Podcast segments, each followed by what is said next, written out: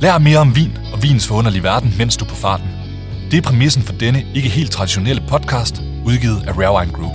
Vi har kombineret podcastformatet med det bedste fra lydbøger. Således kan du her finde vores yndlingsartikler og portrætter om de største producenter og de mest populære vinområder, serveret i en række korte podcast-episoder. Hvis du til med abonnerer på Rare Wine Podcast i din foretrukne podcast-app, så får du besked hver gang en ny episode er tilgængelig. God fornøjelse med denne episode.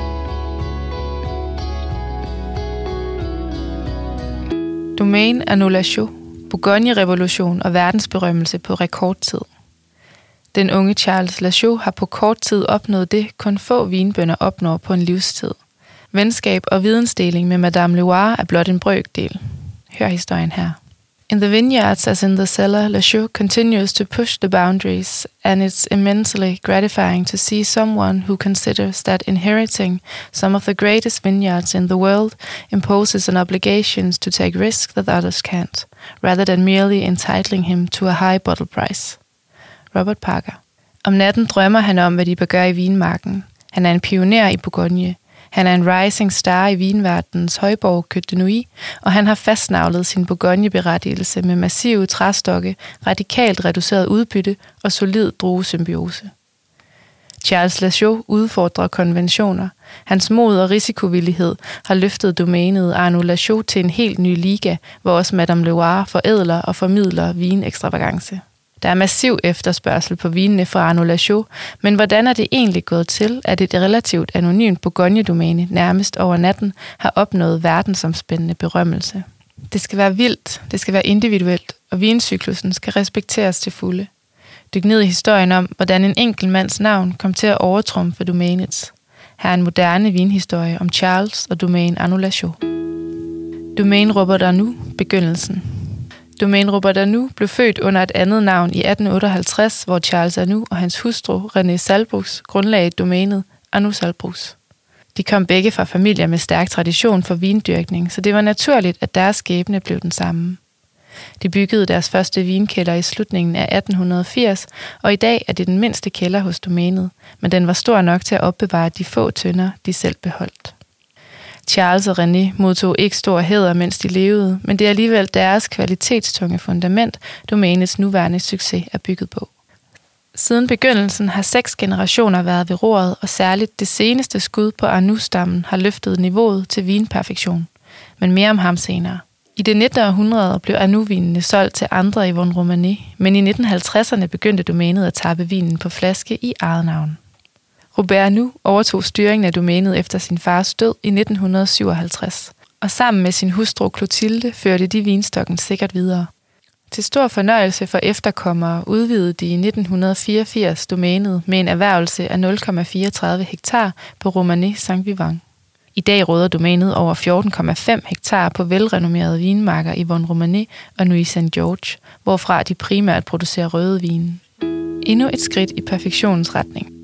Robert Anu tog sin svigersøn Pascal Lachaud i mesterlærer. Og faktisk arbejdede Pascal som farmaceut med speciale i homøopati, før han blev vinbonde. Det var først da Pascal mødte sin hustru Florence Arnoux, at han for alvor forelskede sig ind i en vinfamilie og dens mange facetter. Som datter af Robert Arnoux var Florence nemlig vokset op blandt Bourgognes magiske vinstokke, og her havde hun slået rod.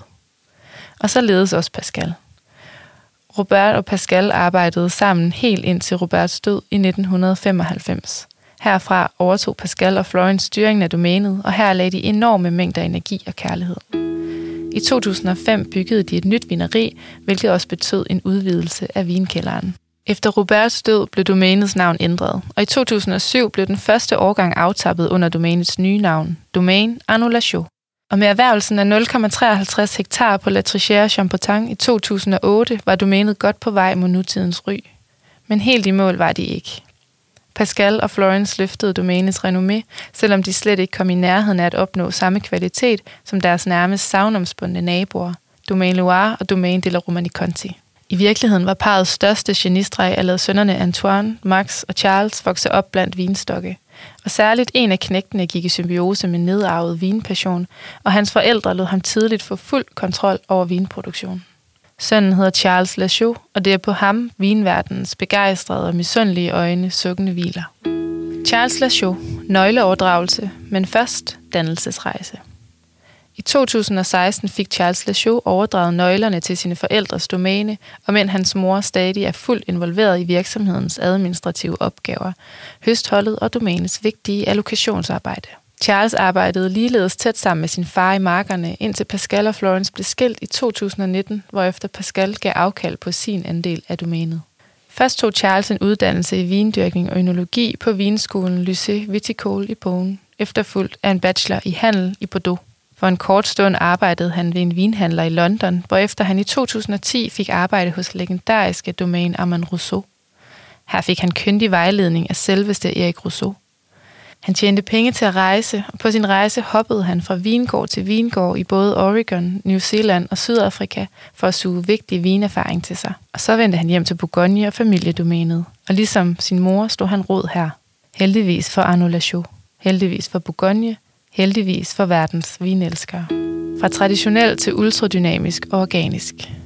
Charles er 6. generation af vinmager på domæne Annulation, og det er hans fortjeneste, at domænet er gået fra at operere i et relativt traditionelt setup til nu at operere både ultraorganisk og dynamisk, med forrygende succes til følge. Det siges ofte, at Charles Lachaud er biodynamikkens drivkraft, og selvom han opererer efter mange biodynamiske forskrifter, er det ikke et prædikat, han vil identificere sig 100% med.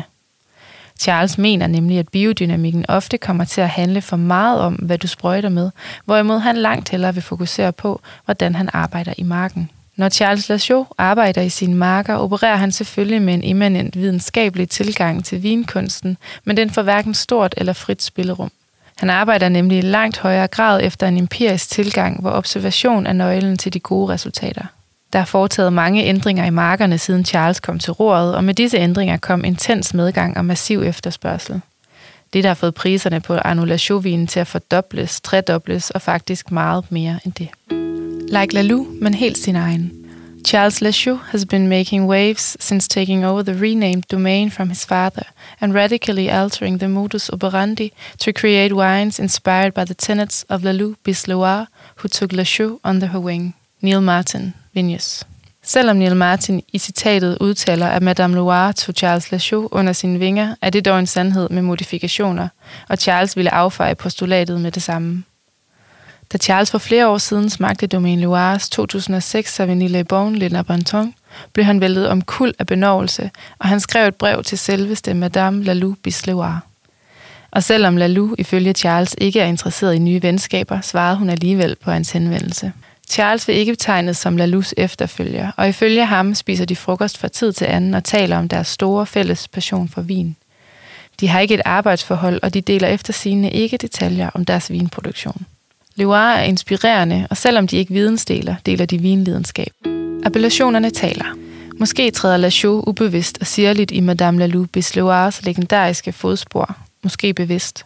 Dog lader de begge appellationerne tale. De søger forskellighederne i hvert enkelt vinstok og behandler dem dermed forskelligt.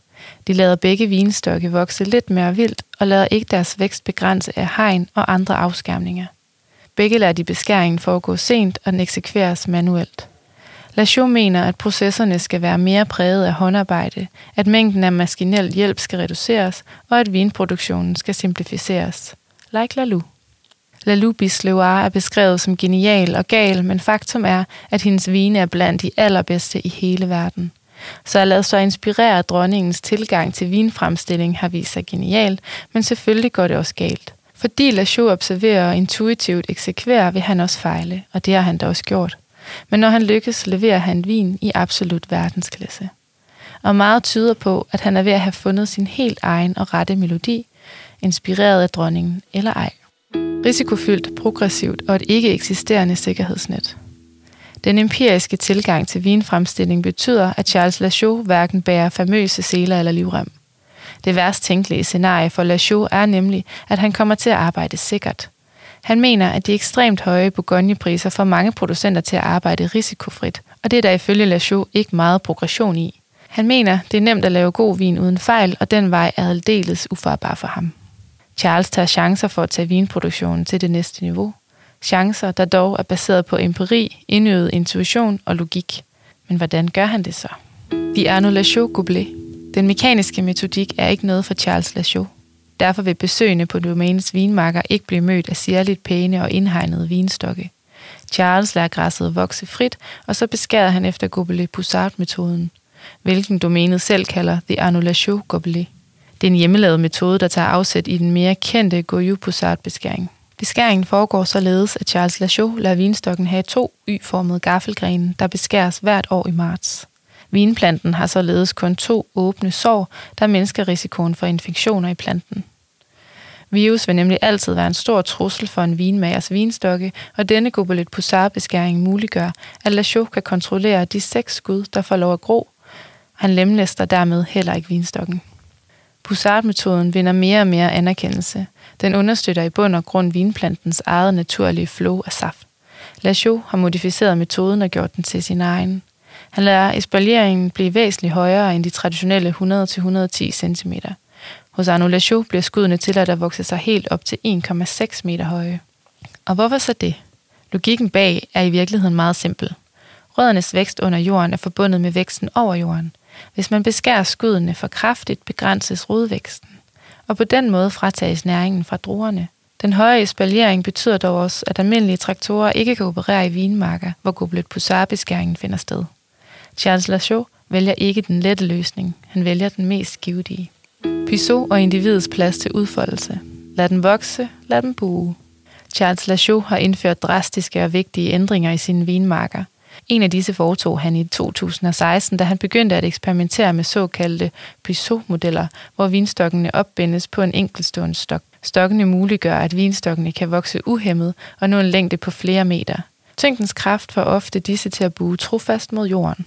Pissot giver desuden mulighed for, at tætheden på vinstokkene bliver meget større med hele 17.000 vinstokke per hektar. Charles behandler hver vinstok, som var det et individ med egne unikke behov. Ved Pissot-metoden bliver vinstokkene fastgjort til en individuel lang pæl, og det kræver en stor arbejdsbyrde. Men ifølge Charles er det alt besværet værd. Og ligesom man troede, Charles Lachaud blot havde adopteret en metode andet sted, kan man selvfølgelig godt kaste den overbevisning langt væk. Charles har selvfølgelig modificeret metoden og anvender pæle, der er langt højere end gennemsnittet. Hans pæle er op til 2 meter høje, og de forbedrer efter eget udsagn kvaliteten i vinmarken. La Loire besøgte sågar hans Aurignon-mark og lod sig inspirere af de høje pæle, hvorefter hun selv indførte dem i sine marker. Like Charles, men markering af generationsskifte, ny visuel identitet. Charles Lachaud har fået frie tøjler til at ændre domænets stil, og det er det i mere end en forstand. En radikal ændring i vinen blev også markeret ved at give etiketterne et helt nyt sprog. Før 2018 var etiketterne på flaskerne fra Domaine Annulation kendetegnet ved en smal rødbrun stribe, hvorpå der stod Domaine Annulation. I 2018 blev etiketten ændret, og ifølge Charles Lachaud selv var den beslutning rodfæstet i et ønske om at hjælpe folk med at forstå den nye filosofi og den nye måde, Annulation arbejder på. Etiketten er da også markant anderledes. Den er stadig simpel og lys, men på de nye etiketter ses et blåt våbenskjold med en gylden løve i midten. Charles Lachaux siger, at den nye etikette afspejler domænets praksis. Våbenskjoldet signalerer, at domænets styrke og personlighed er forankret i fortiden og i traditioner. Den lyse etikette og nye skrifttyper skal vise, at domænet også er innovativt og moderne, selvom Charles Lachaux faktisk har udtalt, at den gamle etikette var for moderne. Der er et annulation før og efter Charles Lachaux, markeret med ny visuel identitet. Designeren bag den nye etikette hedder Louise Lachaux-Voric, og hun har før skabt unikke designs til domænen Nicolas Fauré, Harris Chaudet og Machon Deschamps. Og når ja, så er hun også hustru til Charles Lachaux, hvorfor hun om nogen forstår domænets enkle, elegante og markante stilskifte. Fra japansk kogekunst til vinfremstilling. Charles Lachaux har lært af sine forældre, at for at blive en god vinmager, må man arbejde i marken. Og det er netop her, at Charles placerer al sin energi, sine visioner og sin dybtegående kærlighed til vinfremstillingens kunst. For Charles Lachaux er det nemlig kedeligt at lave vin, så jo mindre tid han skal bruge i kælderen, des bedre har han det. Og det er i virkeligheden det faktum, der afspejler alle de processer og ændringer, der er foretaget i Arnaud Lachauds marker.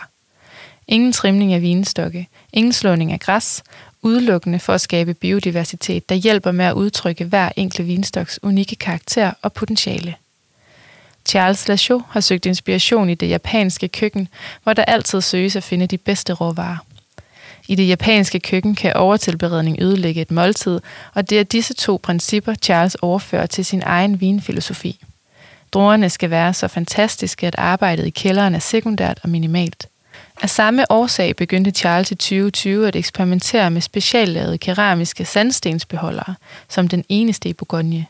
Keramik giver ikke vinene ekstra smag, modsat egetræsfadet, som kan ændre vinens smag fra årgang til årgang. Charles ser ikke nogen mening i at ændre årgangssignaturen ved at anvende egetræsfadet. Keramikbeholderen tør ikke ud.